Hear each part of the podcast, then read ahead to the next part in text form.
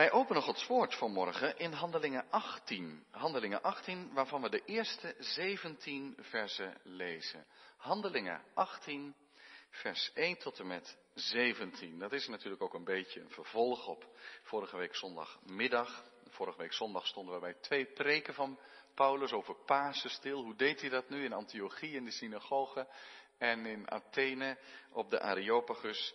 En uh, hij is niet zo lang in Athene gebleven. We weten niet precies waarom hij zo snel weer weg is gegaan. Maar hij reist al snel door naar Korinthe. En daar uh, verblijft hij langere tijd. En we lezen daarover in Handelingen 18, vers 1 tot en met 17. Lees maar mee, als u kunt. Zo luidt het woord van de Heer. En hierna ging Paulus uit Athene weg en kwam in Korinthe. En hij trof er een Jood aan van wie de naam Aquila was, afkomstig uit Pontus, die onlangs uit Italië gekomen was, en Priscilla zijn vrouw, omdat Claudius bevolen had dat al de Joden uit Rome weg moesten gaan, en hij ging naar hen toe. En omdat hij hetzelfde beroep uitoefende, bleef hij bij hen en werkte er, want zij waren tentenmakers van beroep. En hij sprak iedere sabbat in de synagoge en probeerde Joden en Grieken te overtuigen. En nadat Silas en Timotheus uit Macedonië gekomen waren, werd Paulus er door de geest toe aangezet tegenover de Joden te getuigen dat Jezus de Christus is. Maar toen zij zich verzetten en lasteden, schudde zij het het stof van, schudde hij het stof van zijn kleren en zei tegen hen, uw bloed zij op uw hoofd, ik ben rein, vanaf nu zal ik naar de heidenen gaan. En hij vertrok vandaar en kwam in het huis van iemand met de naam Justus, die God diende, en van wie het huis aan de synagoge grensde. En Crispus, het hoofd van de synagoge, geloofde met heel zijn huis in de Here. En vele van de Corinthiërs die Paulus hoorden, geloofden en werden gedoopt. En de Heere zei s'nachts door een visioen tegen Paulus, wees niet bevreesd, maar spreek en zwijg niet. Want ik ben met u en niemand zal de hand aan u slaan om u kwaad te doen, want ik heb veel volk in deze stad. En hij verbleef daar een jaar en zes maanden en gaf in hun midden onderwijs in het woord van God. Maar toen Gallio stadhouder van Achaïe was, stonden de Joden eensgezind tegen Paulus op en brachten hem voor de rechterstoel. Ze zeiden, deze man haalt de mensen over om God te dienen in strijd met de wet. Maar toen Paulus zijn mond wilde openen, zei Gallio tegen de Joden, als er een of ander onrecht of een misdrijf begaan was, o Joden, dan zou ik u met reden verdragen. Maar als er een geschilpunt is over een woord, over namen, en over de wet die onder u geldt, dan moet u het zelf maar zien. Want ik wil over deze dingen geen rechter zijn. En hij joeg hen van de rechterstoel weg. Toen grepen alle Grieken Sostenes, het hoofd van de synagoge, en sloegen hem voor de rechterstoel. Gallio trok zich echter niets van deze dingen aan. Tot zover lezen we het woord van God voor deze dienst. Zalig zijn zij die het woord van de Heere, ons God, horen en geloven en daaruit leven. Amen. De tekst voor de prediking vindt u in Handelingen 18 en daarvan in het bijzonder vers 9 en 10. Handelingen 18, vers 9 en 10, waar staat dat de Heere s'nachts door een visioen tegen Paulus zei, Wees niet bevreesd, maar spreek en zwijg niet, want ik ben met u en niemand zal de hand aan u slaan om u kwaad te doen, want ik heb veel volk in deze stad. Handelingen 18, vers 9 en 10. Gemeente van onze Heer Jezus Christus, hier en ook thuis. Gelukkig ben je als je gelooft. Er ligt zoveel vreugde in. Vreugde van redding. Vreugde ook van het ontdekken van een heel diep geheim van dit leven. Dat we een schepper hebben en dat we ertoe geschapen zijn om naar God te verlangen, om Hem te kennen en in vrede met Hem te leven. Gelukkig ben je. Als je door het geloof mag zeggen, ik ben een kind van God. Toch kun je als gelovige, even los van dingen die heel moeilijk kunnen zijn in het leven, je ook heel eenzaam en machteloos voelen. En dan bedoel ik op dit moment eenzaam, omdat dat geloof in Jezus Christus je leven kleurt. Omdat het je leven stempelt en bepaalt. Het is het belangrijkst voor je, want als je echt de vraag stelt, wie, wie ben ik? Dan, dan ben je jezelf natuurlijk en je bent iemand die hier woont en werkt en er is van alles over je te zeggen. Maar het belangrijkst wat over je te zeggen is dat je van Jezus bent. En dat werkt door in, in de manier van denken, in de manier van voelen, in de manier van leven. Geloof is niet iets met een uit- en aanknop dat je af en toe aanzet als je het even nodig hebt of zo en voor de rest geen invloed heeft. Maar een volgeling, zo wordt het ook wel gezegd, een volgeling van de Heer Jezus Christus. En waarom eenzaam dan? Nu, je leeft, je gaat naar school, naar je studie, en je gaat naar je werk of hoe dan ook. Vaak te midden van mensen die dat niet zo hebben. Het kan verschillend liggen, het ligt eraan natuurlijk waar je woont, waar je werkt enzovoorts. Maar je kunt wonen tenminste van mensen die, die helemaal vreemd zijn aan dit geloof. En je voelt een grote kloof. Je kan niet zeggen dat je boven mensen stelt, absoluut liever niet zeg. Maar, en ook niet dat je afstand moet houden tot mensen. Heb de mensen om je heen lief en ga met ze om. En toch merk je, je staat anders in het leven. En zij begrijpen eigenlijk van de intentie van jouw geloof. En dat je daar eigenlijk alles voor over hebt, voor Jezus. En dat je echt zijn wil zoekt, dat begrijpen ze niet. Het gaat totaal aan ze voorbij. Eenzaam dus wel. En ook machteloos, want als je dan eens de gelegenheid krijgt om iets van je geloof te delen, dan merk je dat dat niet gemakkelijk is. Dat het helemaal niet makkelijk is om uit te leggen waarom je nu gelooft en waarom dat zo belangrijk voor je is. Natuurlijk zijn er dingen over te zeggen. Maar om het echt duidelijk te maken, om over te dragen, is niet eenvoudig. Het is eigenlijk veel makkelijker om te vertellen waarom je supporter van een bepaalde voetbalclub bent, denk ik. Zelfs als die helemaal onderaan de lijn staat, bij wijze van spreken. Dan om te vertellen wat het geloof nou precies voor je betekent. En bij geloven hoort een verlangen dat anderen dat ook ontdekken, dat geheim. Dat ze ook onder de indruk komen van die eeuwige God die we niet begrijpen, maar die zich geopenbaard heeft in de geschiedenis van zijn volk Israël. In zijn trouw, in zijn glorie, in zijn heiligheid en, en door Jezus Christus. Dat bedoel ik met het woord machteloos.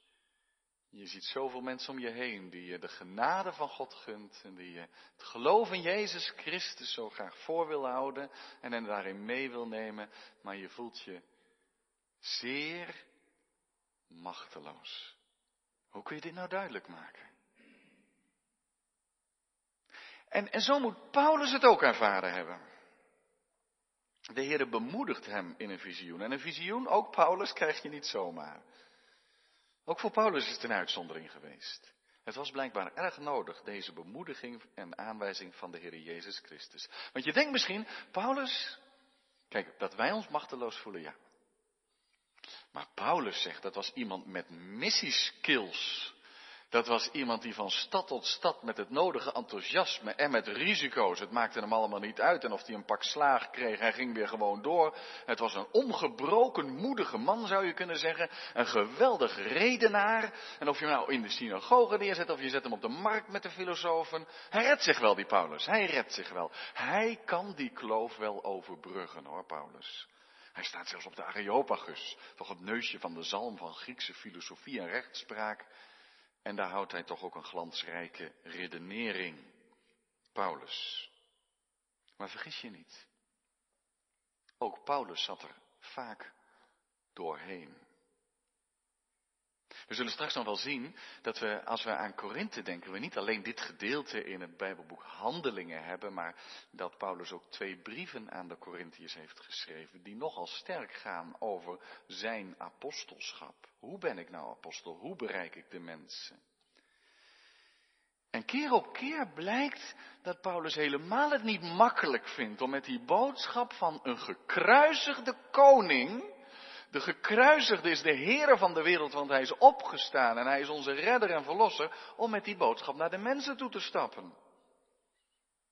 En nu hij in Korinthe is, bemoedigt de Heer hem. En hij zegt vanuit de hemel, het is mijn werk, Paulus, het is mijn werk. Ik sta er zelf voor in. Ga door, spreek, zwijg niet. Ik heb veel volk in deze stad. Nog maar, moet je niet vergeten dat nog maar enkele maanden geleden is dat Paulus naar Griekenland kwam. Na dat visioen van die man die aan de overkant van het water stond en zei, kom over tot ons en help ons. Toen kwam hij in Filippi aan. Het is echt nog maar korte tijd geleden waar hij een enorm pak slagen heeft gekregen. En ze met bebloede ruggen en de, de voeten in de stok in de, in, in de kerker in de gevangenis gegooid werden. En ze zijn ze wel snel uit bevrijd, maar ik denk dat hij haast nog aan het herstellen is. Korte tijd later gaat hij naar Thessalonica en daar is hij ook maar een week of drie, waar hij inderdaad een gemeente sticht. Mogelijk in drie weken komen mensen tot geloof. Maar direct ontstaat daar vervolging en het kan niet anders of hij moet weer vertrekken. Dat is, zo ziet zijn leven eruit. En daarna komt hij in Berea. En even een adempauze van maar enkele weken dat die mensen edelen zijn. En de Joden in Berea aan wie die in de synagoge het evangelie verkondigt, die, die, die, die verwerpen hem niet. En ze, ze ontvangen met blijdschap het woord. En ze gaan onderzoeken in de schrift of het zo is. Maar de mensen in Thessalonica hebben al mensen naar Berea toegestuurd om daar ook de boel op te hitsen. En ook daar wordt het te heet onder de voeten en moet hij verdwijnen. Zo komt hij in Athene aan. En daar is hij ook maar heel kort geweest. En waarom die weggegaan is, weten we niet. Maar heeft vooral een paar emmers spot over zich heen gehad op de top van de Areopagus. En dan gaat hij naar Korinthe, waar hij alleen aankomt. En dat is even de situatie waarin we Paulus aantreffen. Die komt niet in, in, in Korinthe handen wrijvend van, ha, tijd voor een nieuwe uitdaging. We gaan dat uh, varkentje, varkentje wel eens wassen. Helemaal niet. En, en bovendien, Korinthe is ook niet de makkelijkste werkplek hoor. Het was een havenstad. 75 kilometer ongeveer van Athene vandaan. Heel cruciaal gelegen. Corinthische golf van ander water. Kun je twee kanten op. Maar wat is nou typisch aan een havenstad? Is dat je allerlei culturen hebt. Werkgelegenheid in de haven. Allerlei religies waren dat. En Korinthe stond bekend als een stad van groot zedelijk verval. Een stad van kansen. Je kon de sociale ladder opklimmen. En uh, er was eigenlijk geen privacy. Iedereen woonde hutje, mutje op elkaar. Bekend om zedelijk verval, zei ik. Mocht iemand denken dat het met de zeden in Antwerpen niet zo goed gesteld is, het gaat er bij ons waarschijnlijk vele malen zedelijker aan toe dan toen in Corinthië. Er was zelfs een spreekwoord dat als je niet in Korinthe woonde en je sprong echt uit de band, dat ze zeiden, ja, je kunt altijd nog Corinthisch gaan leven. Dat is dan een spreekwoord. En alleen de tempel van Afrodite die daar stond, die had al meer dan duizend tempelprostituees. Die nou ook niet direct een zedelijk leven aanbeveelden. Denk je nou misschien, dat is een mooie uitdaging van Paulus. Hij kiest er tenminste voor, toch? En hij ziet dat zitten. Hij blijft niet in Athene, hij gaat er naartoe. Hij heeft er vast zin in. Nou, vergis je niet. In 1 Korinthe 2, vers 3 vertelt Paulus, jullie weten dat nog wel, zegt hij tegen de Corinthiërs, dan toen ik bij jullie kwam, ik bij jullie was, in zwakheid, met vrees en veel beven. Kun je Paulus voorstellen? Paulus is niet zo, ik zal dat hier wel eens even doen. Maar hij gaat met knikkende knieën als het ware die stad binnen. En hij kijkt weer om zich heen en zegt, weer een stad waar niemand Jezus kent. Waar iedereen zijn gedachten heeft en vooral vast wil houden aan zijn eigen leventje. En dan moet hij komen met die boodschap van Jezus Christus. Er waren momenten dat hij dat niet zag zitten, dat de taak te groot was. Hij was misschien ook wel eens liever op vakantie gegaan naar een of ander Grieks eiland. Dan in plaats van in Korinthe daar in die zedeloze havenstad het evangelie te verkondigen. zijn werk was niet gemakkelijk. U kent het patroon inmiddels wel, denk ik. Hè? Eerst naar de synagoge, waar hij dat allemaal weer uitlegt van Abraham en de verlossing uit Egypte en Gods trouw en uiteindelijk David en dan naar Jezus toe.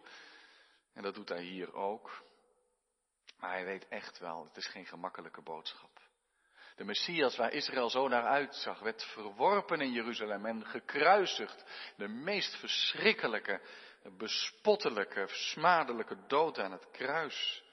En dat hij is opgestaan, dat is geen eenvoudige boodschap. Met andere woorden, als de Heilige Geest hun harten niet opent, als God mensen niet tot geloof brengt, dan gebeurt het niet. En dat weet Paulus heel goed. Paulus kan niet terugvallen op zijn eigen capaciteiten. Eigenlijk zou je kunnen zeggen dat als je daarover gaat lezen in 1 Korinthe en 2 Korinthe, dan zie je hoe vol die brieven van die gedachten zijn. Dat hij zegt, ik, ik heb een kostbare schat in een aardenvat. Ik ben zelf heel breekbaar. Ik kan het niet. Oh, hoe vaak heeft Paulus niet gezegd, O God, opent u de harten, leg mij ook de woorden in de mond, geef mij vrijmoedigheid, maar het is uw werk, u moet het doen. Hij kan niet terugvallen op zijn capaciteiten. Herkenbaar toch? En als er vervolgens met de Grieken spreekt, wordt het niet makkelijker dan zojuist in de synagoge. Dan moet hij gaan spreken over de opstanding. En over een Jezus die niet een geweldig filosoof was geweest, maar iemand die lief had en zichzelf daar totaal voor opgeofferd heeft. Die gekruisigd is en opgestaan. Oh, dan voel je de onoverbrugbare kloof. Tenzij dan dat God werkt.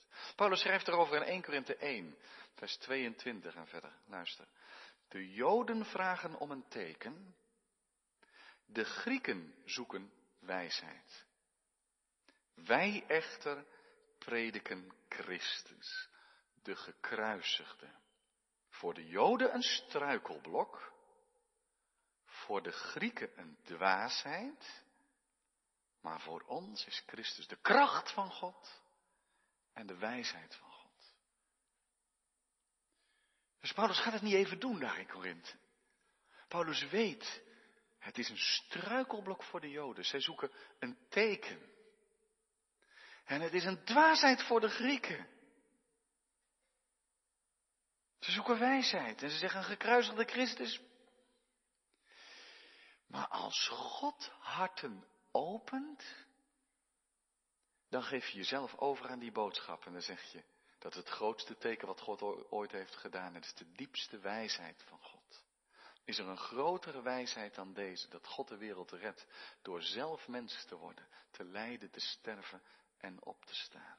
Maar dan moet je hart voor open gaan. Kun je dus een beetje voorstellen hoe machteloos Paulus zich gevoeld heeft? En is dat niet bemoedigend voor ons? Voor ons allen, gezonden in deze wereld? Met een vreemde boodschap waarvan je zegt, ik wil het zo graag delen met anderen. Maar als iemand me zomaar een paar minuten de tijd geeft, dan voel ik me daar ook alweer heel ongemakkelijk bij soms. Hoe geef ik daar woorden aan? Hoe leef ik dat voor? Hoe kunnen we die kloof overbruggen? En dan zegt heel dit gedeelte, het is Gods werk. Hij gebruikt zwakke, kleine mensen als een instrument in zijn hand. Dan sta je met een vreemde boodschap in deze wereld. Maar tegelijk weet je, als God harten opent en het gebeurt, we zien het om ons heen, zijn we er zelf ook niet een bewijs van? Dat als God je hart opent, dat je er niet meer los van komt. Dat je zegt, ja, dit is het. Dit is de kracht van God en de wijsheid van God. In Handelingen 9 lezen we hoe Paulus tot bekering komt, zou je kunnen zeggen, onderweg naar Damascus, of geroepen wordt tot zendeling. En dan zegt God tegen hem, tegen Ananias die je moet gaan opzoeken, want deze is voor mij een uitverkoren instrument. Een heel bescheiden woord. Eh, zelfs staat daar een woord als het is dienblad. Waarmee de ober, zeg maar, ja, wat waren obers? Um, waarmee de ober het dienblad naar de tafel brengt. Is dat nou alles? Paulus, de, die, die grote zendeling, Paulus, die overbekende, geweldige apostel, een dienblad in de hand van Christus om de naam van Christus naar de mensen te brengen. Het is toch geweldig bemoedigend. Laat mij zijn een instrument. De taak die op onze schouders ligt is veel te groot als je dat in eigen kracht zou willen doen. Een missionair kerk zijn in de buurt, als christen uitgezonden in jouw omgeving om een getuige te zijn van Christus, dat is het. Maar het kan alleen als je beseft, het is Gods werk.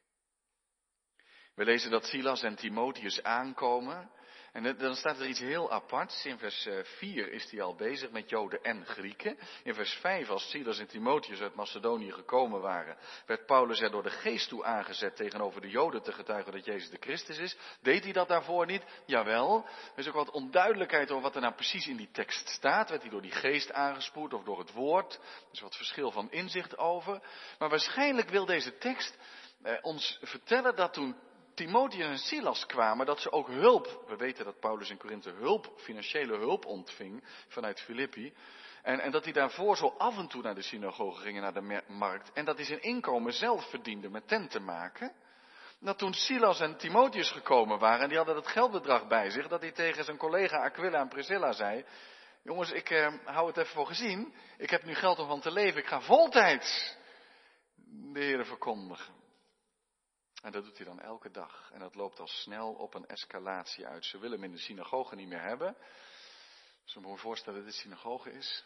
En ze zeggen, weg. En je zet hier nooit meer een voet over de drempel. Maar er was iemand die ernaast woonde. En die zei, nou kom dan maar in, in ons huis. En, en, dat moet wel heel pijnlijk zijn geweest, want dat huis grenst aan de synagoge. En in dat huis geeft Paulus dan zijn evangelieprediking. En dan komt zelfs de overste van de synagoge tot geloof. En dat wordt zeer gezegd. Je voelt de spanning. Oh, als je handelingen leest, het ontstaan van het christelijk geloof is uh, niks saais aan. Het is eerder een triller. Uh, van het een ga je naar het ander. Maar uh, het wordt enorm gezegend. Er komen veel mensen tot geloof. En wellicht heeft Paulus toen gedacht, ook toen het ja, spannend werd, hè? want we lezen ook verder dat de Joden, die, hebben hem dan uit de synagoge gezet, maar dat ze eh, toch een gecoördineerde aanval tegen hem doen. En ze slepen hem zelfs naar de rechter toe, Gallio, de broer van de bekende Seneca, die in uh, 51 consul was in heel dat gebied. Hoe dan ook, Paulus zal gedacht hebben, het zal hetzelfde liedje wel weer zijn als in Filippi, korte tijd weg. Thessalonica, korte tijd vervolging weg. Berea gaat goed, vervolging weg. Athene, waarom die weg gaat weten we niet, maar hij zal, hij zal al zijn koffer alweer klaar hebben staan. Maar dan zegt de Heer, nu gaan we het anders doen. Je moet hier blijven. In een visioen spreekt hij tot hem. Vrees niet. Spreek, Paulus, en zwijg niet. Laat je niet intimideren. Het zal misschien moeilijk zijn, maar ik ga ervoor zorgen dat niemand de hand aan je slaat. Niemand zal je echt kunnen vervolgen. Dat wil zeggen, ik wil dat je hier langer gaat blijven. Wat ze ook tegen je bedenken, je staat onder mijn bescherming. Blijf hier in Korinthe. En bedenk, je doet mijn werk. Kijk bij alles wat je doet niet naar jezelf en naar je eigen mogelijkheden. Ga maar door, ik zal je beschermen. Maar de kern van die bemoediging ligt in die laatste woorden. Want ik heb veel volk in deze stad. Wat zijn dat belangrijke woorden? Kostbare woorden. Wij denken vaak, wij, hebben, wij zijn door God op een missie gestuurd, als kerk. En dat is waar. En dan denken we als tweede stap van, we moeten missionair zijn en we gaan daar van alles voor organiseren. En zo gauw we ermee beginnen, vinden we dat ook lastig, want we voelen ons al gauw overvraagd.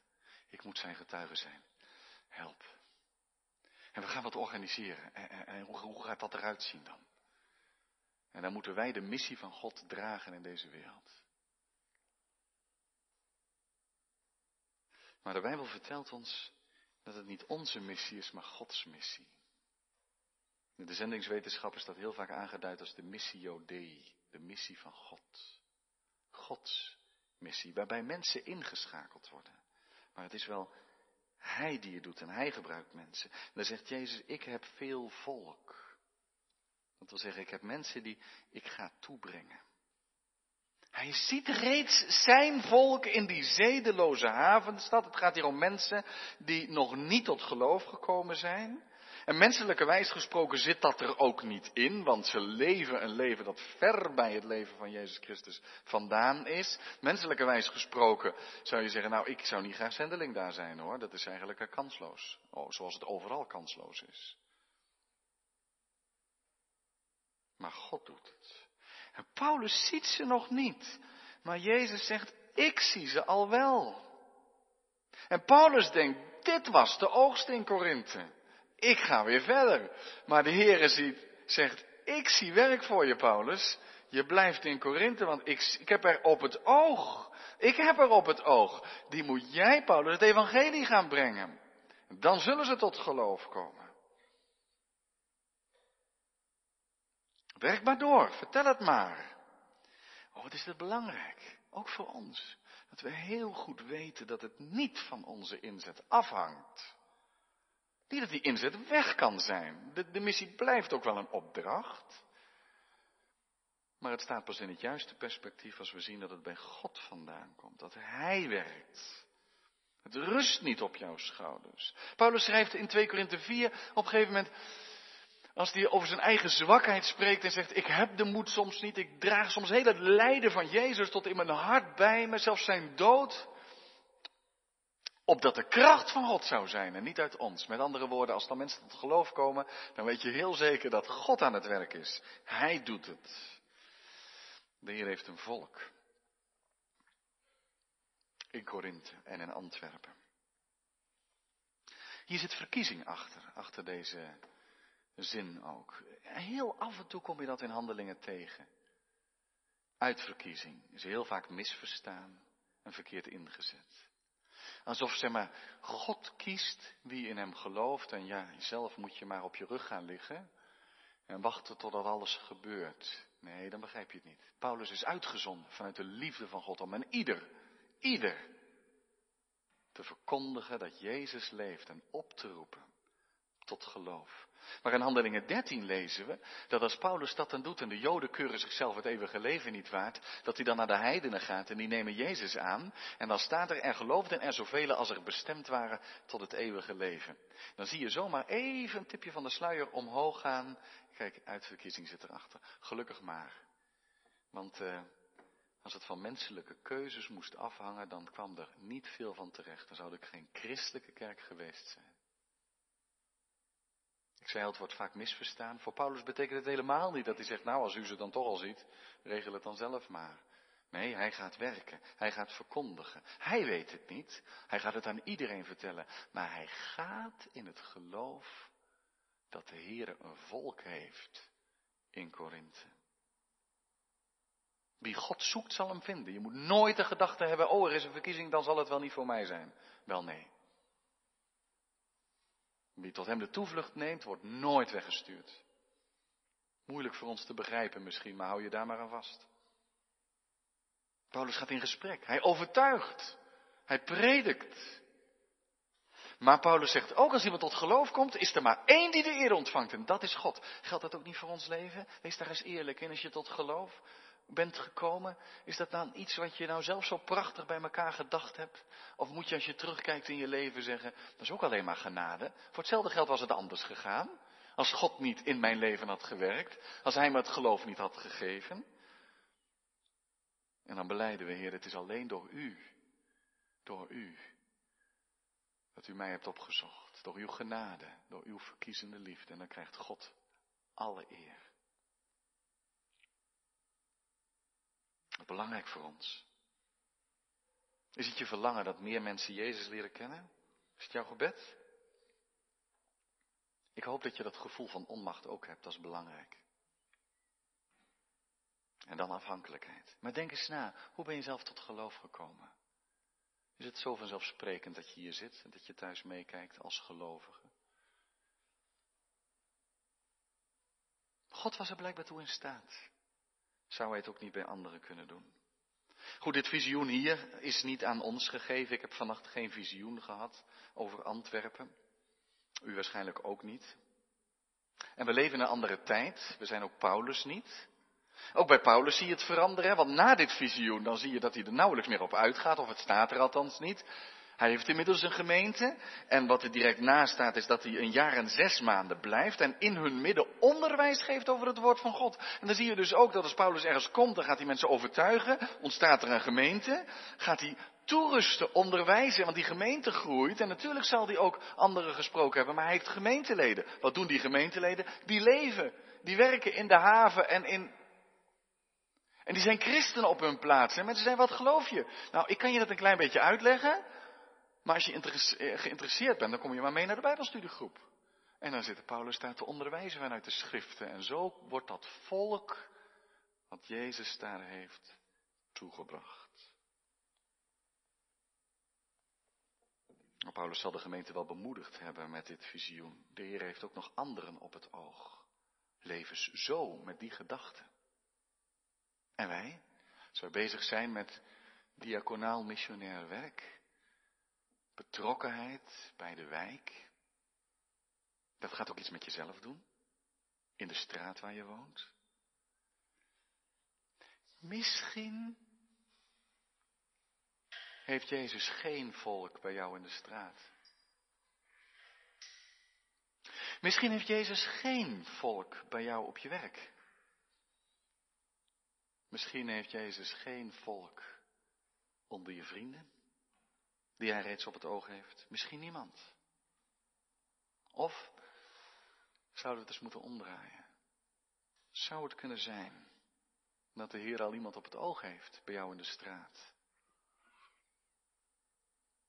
In je portiek, op je werk, in je vriendenkring die hij al op het oog heeft en dat hij tegen je zegt, blijf maar voorleven en getuigen. Ik heb veel volk in deze stad en wie weet, wie weet wat Jezus reeds ziet in deze wijk. Wie weet hoeveel Jezus er nog ziet in deze stad. Hoe vaak hebben we onze schouders al laten hangen. Omdat we er eigenlijk weinig verwachting van hebben. Maar bemoedigt Jezus ons dan vanmorgen ook niet door te zeggen, ik heb veel volk in deze stad. Het is het fundament onder onze missie. Dat Gods hart klopt voor de stad. De missie van God. Dat Hij een volk heeft dat Hij wil toebrengen tot zijn kerk en koninkrijk. Vrees niet, maar spreek maar vrijmoedig en leef het voor, want het is mijn werk. Ik heb veel volk in deze stad. Amen.